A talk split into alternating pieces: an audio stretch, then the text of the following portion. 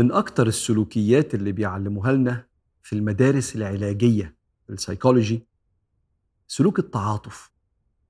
إنك تبقى متفهم احتياجات اللي قدامك ومتفهم ضعفه ومتفهم إنه ممكن يكون في رحلة حياته محدش علمه الموضوع ده ومتفهم اندفاعه الدوافع البشرية اللي بتخلي البني آدم يبقى عنده احتياجات أو تصدر منه تصرفات هو نفسه يبقى منزعج منها ونفسه يصلحها. انت كإنسان بتساعد الناس في رحلته العلاجية لازم ما يبقاش عندك غضب ومرارة من تصرفاته. انما يبقى عندك تفهم وتعاطف وإحساس بإن البشر كتلة من الاحتياجات وإن اختبار البشر إزاي يحافظ على قيمه وهو في رحلة تحقيقه لاحتياجاته. الصحابة عرفوا النبي عليه الصلاة والسلام قد إيه بيتفهم ويقدر احتياجاتهم وقد إيه وهو بيدعوهم إلى الله بيدعوهم إلى الله بقدرتهم مش بيشيلهم من الدنيا ورغبات الدنيا الحلال اللي ربنا أحلها يشيلهم كده ويرميهم في بيت كده يقول لهم اعبدوا ربنا لغاية ما نموت. ما كانش بيعمل كده. إنما كان بياخد الدين ويوديه لهم في السوق وفي بيوتهم وفي احتياجاتهم وفي الرياضة بتاعتهم. يقول لهم إزاي يعيشوا برضا ربنا وهم بيحققوا احتياجاتهم. سيدنا مالك بن الحويرث بيقول أقمنا عند رسول الله في وفد عشرين يوما وكانوا شباب.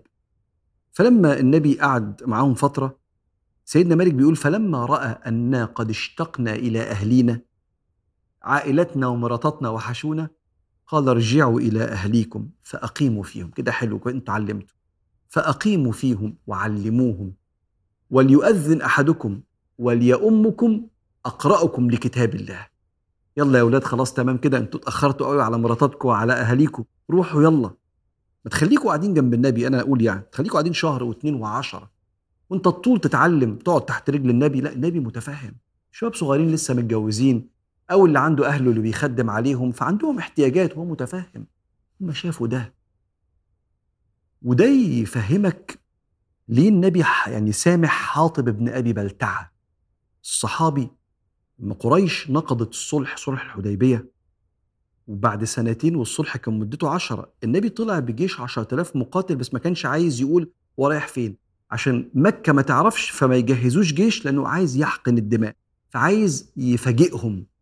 فلما يفاجئهم يقول لهم اذهبوا أنتم الطلقاء ويسامحهم ويشيل الأصنام من حوالين الكعبة من غير حرب. حاطب بن أبي بلتعة عرف النبي رايح فين؟ بعت جواب هناك لمكة إلحقوا النبي جاي وهو مسلم. مش مسلم بس ده من المسلمين ده من الأوائل ده شاهد بدر.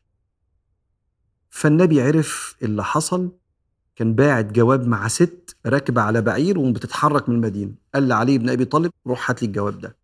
راح جاب الجواب من الست وطلع الجواب في مسجد قدام الصحابة الكبار اللي بيجهزوا عشان رايحين على مكة. إيه ده؟ ما هذا يا حاطب؟ قال يا رسول الله لحظة واحدة. والله ما عملت ده كفر بالإسلام. أنا يا رسول الله لي سبب. طبعا أنا بحكي لك الحكاية يعني باللغة البسيطة يعني. ما كفرت يا رسول الله ولكن.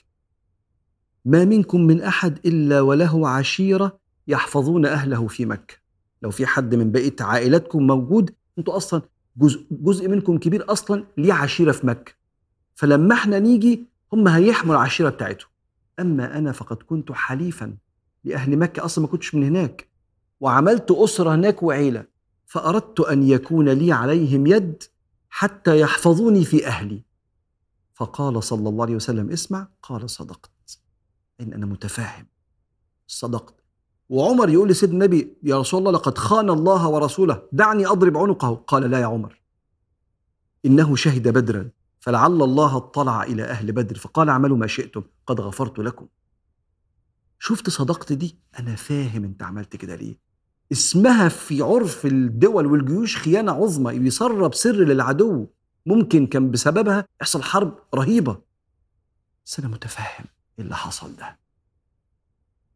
ونتنقل من التفاهم للاحتياجات دي لدخوله في الصلاة. يقول النبي كده إني لا أدخل في الصلاة أريد أن أطيل فأسمع بكاء الصبي فأتجوز في صلاتي أسرع. كراهية أن أشق على أمه. أنا بصلي طب أنت جايبة بالعيل ليه معاكي؟ إحنا نقول كده بقى. معلش يمكن ما قدرتش توديه في حتة عايزة تصلي مع النبي. الله أكبر العيل بيعيط. احتياج الأم إن الصلاة تخلص وتاخده ترضعه ولا تاخده. الناس بتبص لها برضه يعني إيه انت مبوظة علينا خشوعنا في المسجد. فأنا عايز أخلص المشهد ده بسرعة. فأتجوز في صلاتي. كراهية أن أشق على أمه. ده سيدنا النبي. الصحابة عرفوه كده. عنده تفهم لاحتياجاتهم فأحبوه.